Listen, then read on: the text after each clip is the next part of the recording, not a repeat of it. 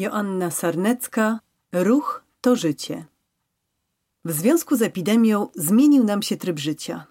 Nawet w przypadku dzieci, które zawsze lubiły spędzać czas stacjonarnie, na przykład przy komputerze, zawsze była okazja do wyjścia, choćby droga do szkoły, spotkania z rówieśnikami czy zajęcia pozalekcyjne.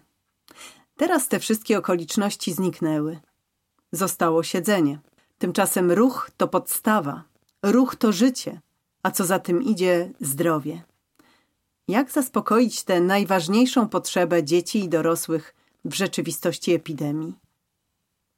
Po co dzieciom ruch? Dla młodszych dzieci oraz dzieci ze szczególnymi potrzebami ruch to podstawowa lekcja. Nie ma nic ważniejszego.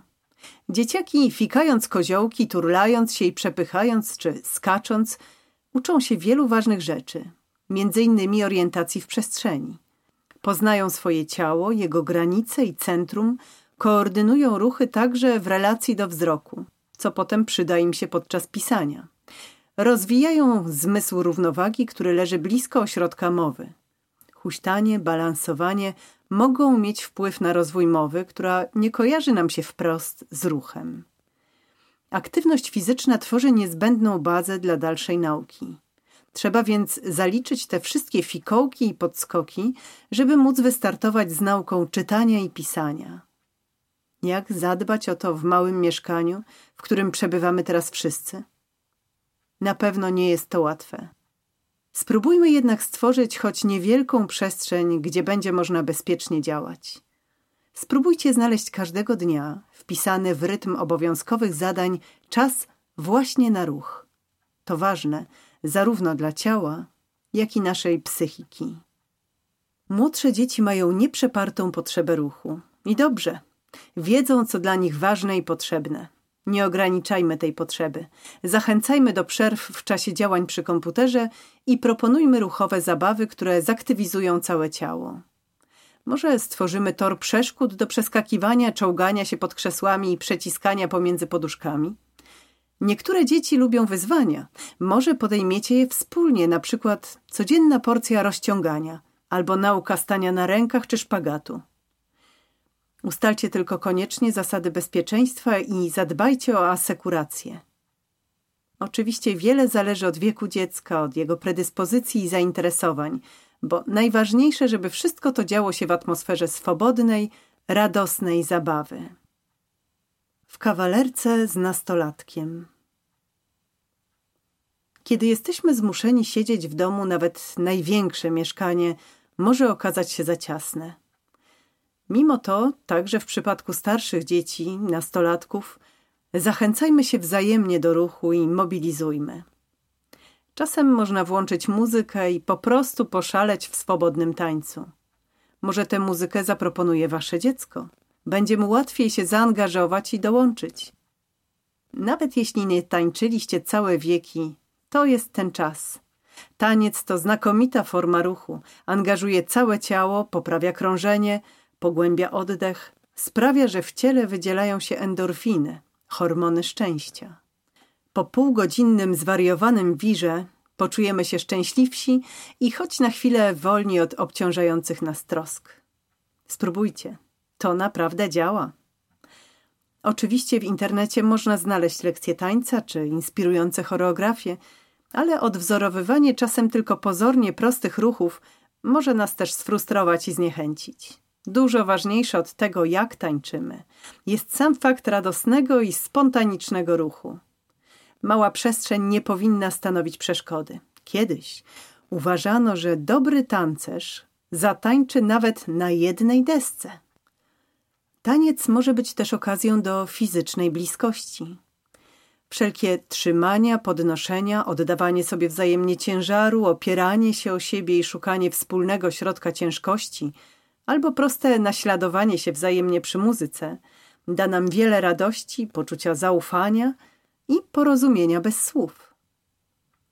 W czasie, kiedy odczuwamy nieustanny stres związany z epidemią, bardzo ważnym celem jest ekspresja i uwalnianie emocji. To zadanie doskonale spełnia taniec i ruch.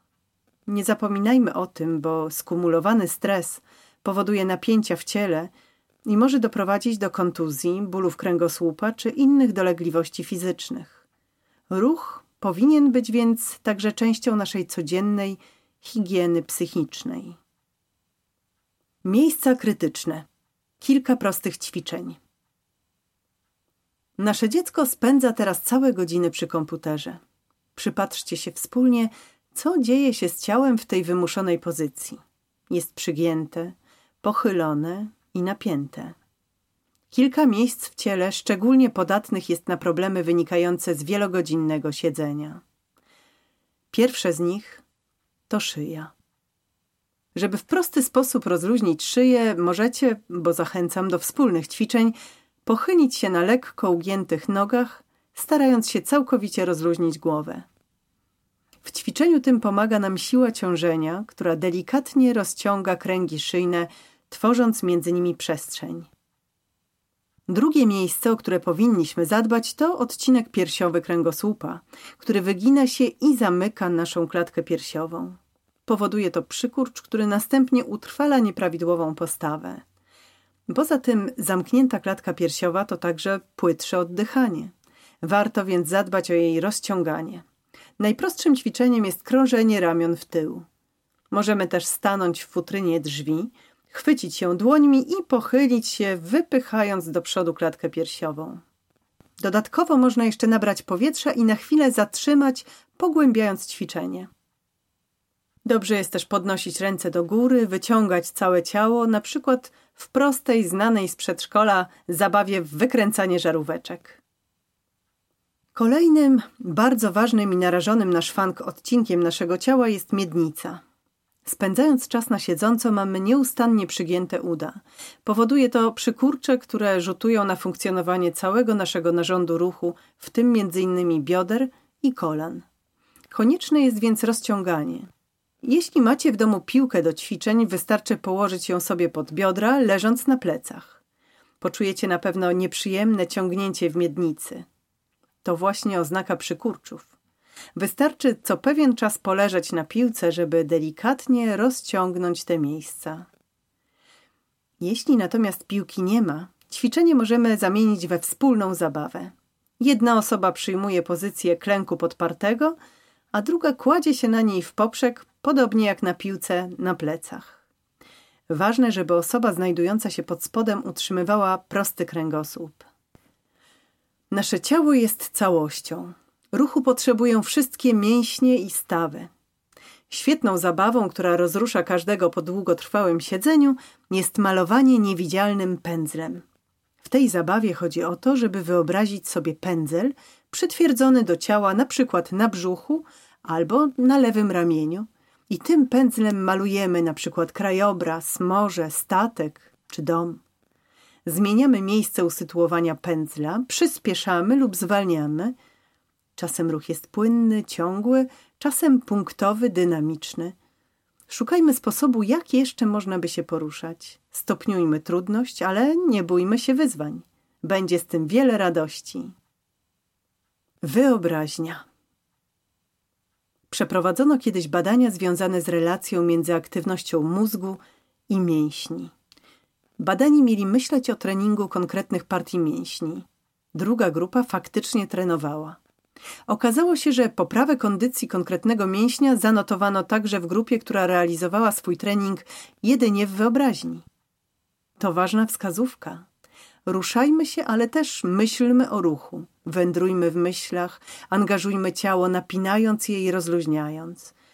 Bo właśnie drugim końcem zjawiska bezruchu jest też zbędne napięcie, którego trzeba się pozbyć. Świadome rozluźnianie ciała jest istotne, żeby nie doznać kontuzji, uniknąć bólu głowy czy innych efektów długotrwałych napięć. Świetną metodą bazującą właśnie na wyobraźni jest wizualizacja. Możecie robić ją rodzinnie. Jedna osoba jest prowadzącą, co trochę niestety utrudnia jej samej skorzystanie. Możecie się więc wymieniać, wymyślając swoje wersje tego ćwiczenia. Wszyscy uczestnicy powinni położyć się na plecach. Mogą na chwilę napiąć wszystkie mięśnie, a potem całkowicie rozluźnić je i zamknąć oczy. Osoba prowadząca cichym i spokojnym głosem może przeprowadzić naszą wyobraźnię przez całe ciało, od góry do dołu i z powrotem, tak by rozluźnić wszystkie napięcia. Zobacz, ile przestrzeni jest wewnątrz Twojego ciała. Twoja twarz jest rozluźniona, szyja rozluźnia się i tak dalej. Możemy też wyobrażać sobie na przykład, że powietrze, które wdychamy, wybarwia nasze ciało na jakiś kolor, aż po czubki palców u stóp. A potem, kiedy wydychamy je, malujemy na różne kolory jak największą przestrzeń wokół nas. Kolejny pomysł na wizualizację to ulubione miejsce. Osoba prowadząca prosi, żeby pozostali wyobrazili sobie swoje ulubione miejsce ze szczegółami zapach, temperaturę, porę roku, dźwięki, żeby pobyli w tym miejscu, odpoczęli, a potem powolutku wrócili do tu i teraz.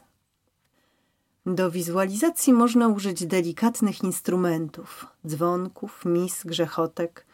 Po takiej prostej sesji jesteśmy nie tylko fizycznie rozluźnieni, ale też głęboko zrelaksowani. To bardzo dobre ćwiczenie przed snem. Wycisza, uspokaja, daje poczucie harmonii ze sobą i łagodnie usypia. Przyda się całej rodzinie. Dobrym sposobem na delikatny ruch jest masaż. On także pobudza i zarazem rozluźnia ciało, poprawia ukrwienie, stymuluje zakończenia nerwowe. Mając teraz trochę czasu dla siebie, pobawcie się w masażystów. Zadbajcie o siebie, okazując sobie czułość i bliskość, oczywiście zawsze za zgodą. Pamiętajmy, że nasze ciało ma swoje potrzeby. Ruch jest niezbędny mięśniom, stawom, wpływa na krążenie, oddychanie, apetyt, ale przecież jesteśmy całością. To, co dzieje się w ciele, wpływa na inne sfery naszego życia i na odwrót. Trudno nie martwić się rozwijającą się na świecie epidemią czy kłopotami dnia codziennego. Czując jednak gromadzący się w ciele stres, uciski, duszność, napięcia, oddziałujmy na ciało, zapewniając mu zarówno potrzebny wysiłek, jak i relaks.